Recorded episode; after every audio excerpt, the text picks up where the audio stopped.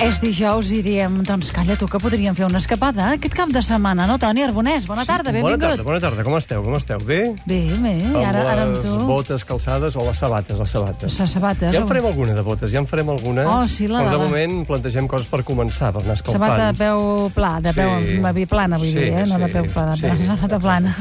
Va, on ens portes avui?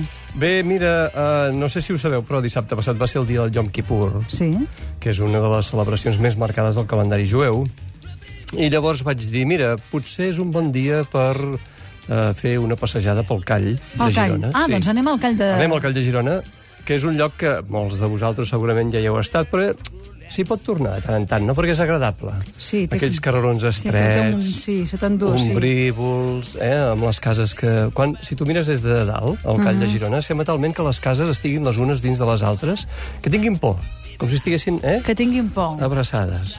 I potser en tenien de por, vés a saber, els jueus, no? Perquè precisament els calls eh, neixen una miqueta a partir del segle XI-XII, Mhm. a les ciutats mitjanes i, i més aviat grans de Catalunya, a partir d'aquest moment els jueus sembla ser que es comencen, eh, comencen a delimitar les àrees on viuen, els barris on viuen, Sí. i d'aquí neixen els calls. I és això, doncs un grup de cases, més o menys doncs, eh, delimitat, a on els jueus poden viure d'acord amb, amb les seves tradicions, amb la seva cultura i amb la seva religió.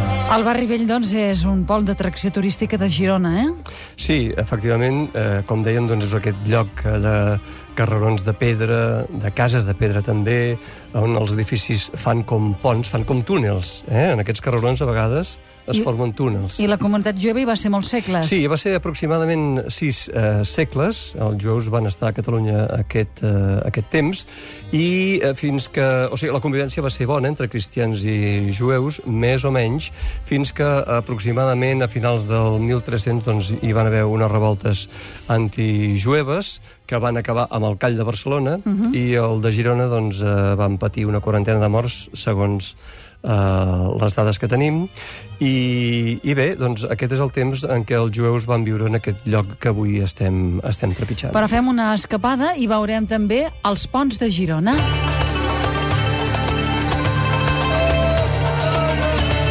Perquè quan les ciutats tenen rius, doncs han de veure com Ja se s'ho sap que fan. han d'haver-hi ponts per travessar Clar. aquests rius. Aquí n'hi ha uns quants, eh, hi ha el pont de, de Pedra, el pont d'en Gómez, hi ha el viaducte del ferrocarril i eh, el pont de ferro. El pont de ferro, El pont eh? de ferro o pont de les peixateries velles, que té com a singularitat que és un pont que va fer el despatx d'arquitectes del Gustave Eiffel aproximadament uns 12 anys de que completés la famosa torre de, de París. És un bon lloc per entrar al casc antic perquè des d'aquí, a més a més, veiem totes les cases velles, aquelles cases que han restaurat i que han pintat de colors, Uh, saps què vull dir-te? Aquelles fasanes rehabilitades Sí, no? sí, sí. sobre el riu Onyar, doncs seguint la paleta cromàtica de l'Enric Encesa, del Jaume Fejó i dels arquitectes Fusés i Viader. Uh -huh. és, un, és un bon lloc per entrar al casc antic. Què s'hi veu des del pont de ferro? Mira, no vaig veure, ja sé, ja sé el que em demanes, però no vaig veure a la Cucullona.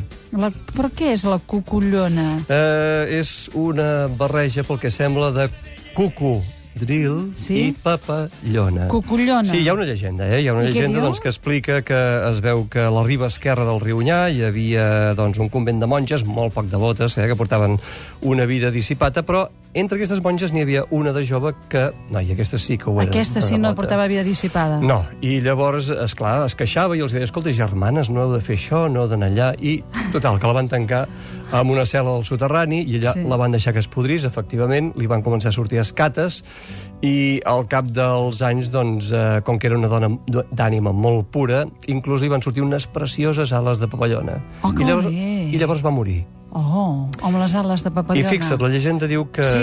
d'aquí en va sorgir aquest monstre, entre Ahà. cometes, que Es diu? es pot veure doncs, eh, pel riu Unyà, però només les nits de lluna plena o a trenc d'alba. Eh? Tu això ja ho has anat a comprovar perquè l'has vist? Mira, jo hi vaig al migdia per no tenir trobades que no... Sí, sí, sí, arbonès, és que, esclar, clar, les nits de lluna plena... No, eh, no estàs, estàs, no es fa una mica per... de cosa, tot i que aquesta, aquests, aquests barris és maco Sí. de veure'ls, si podem, en horaris no comercials, com si diguéssim. Eh? Va, quins carrers trobem en el call jueu de Girona, Bé, destacats? ha molts. Nosaltres vam entrar pel carrer, o jo vaig entrar pel carrer de la Força, i en aquí hi ha coses eh, amagades, perquè ja saps que els calls tenien uns patis interiors uh Mhm. -huh. molt ombrívols i molt frescos, també.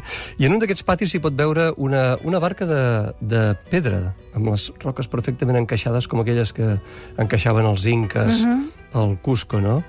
Uh, bé, és una cosa molt curiosa de la qual doncs, no se n'ha trobat cap explicació raonable i aquest doncs, és el carrer que ens va portar, per exemple, fins al Museu dels Jueus, Sí. on vam trobar una cosa molt curiosa. No sé si has sentit parlar de l'Atlas català, d'en Cresques. No. Doncs en Cresques, eh, el pare i el fill Cresques, eh, són els autors del que se'n diu l'Atlas català, o es coneix com Atlas català. Ells formaven part de l'Escola Cartogràfica de Mallorca, una escola molt important, i en allà, en el Museu dels Jueus, doncs, hi ha una reproducció d'aquest Atlas català, on es pot veure què es coneixia del món en aquell moment, què se'n sabia del món. És curiós estar-se una estona mirant-se'l. Mira què se sabia del món en aquell moment, eh?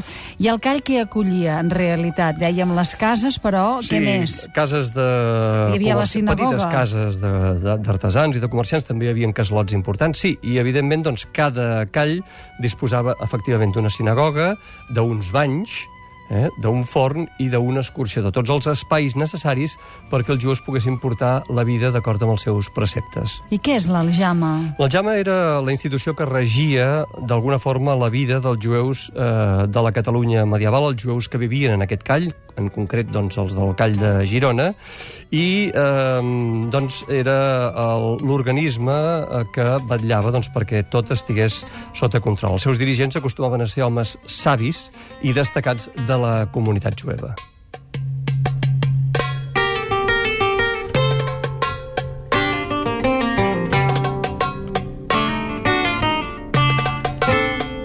Just aquesta música agafa el nom d'Aljama, eh? Uh, precisament. Estem fent una És que escapada. sou, sou com sou. Oh, som eh? com som. És que Som el secret. com sou. Sí, sí. Jo no ho sabia per això, per això, com que és el secret. És el secret. Som el secret. Estem fent l'escapada dels dijous. Avui ens proposa Antoni Arbonès que anem al Call Jueu de Girona. Ens queda res, dos minuts per parlar de la càbala un instant, eh? La cabla és una mica de...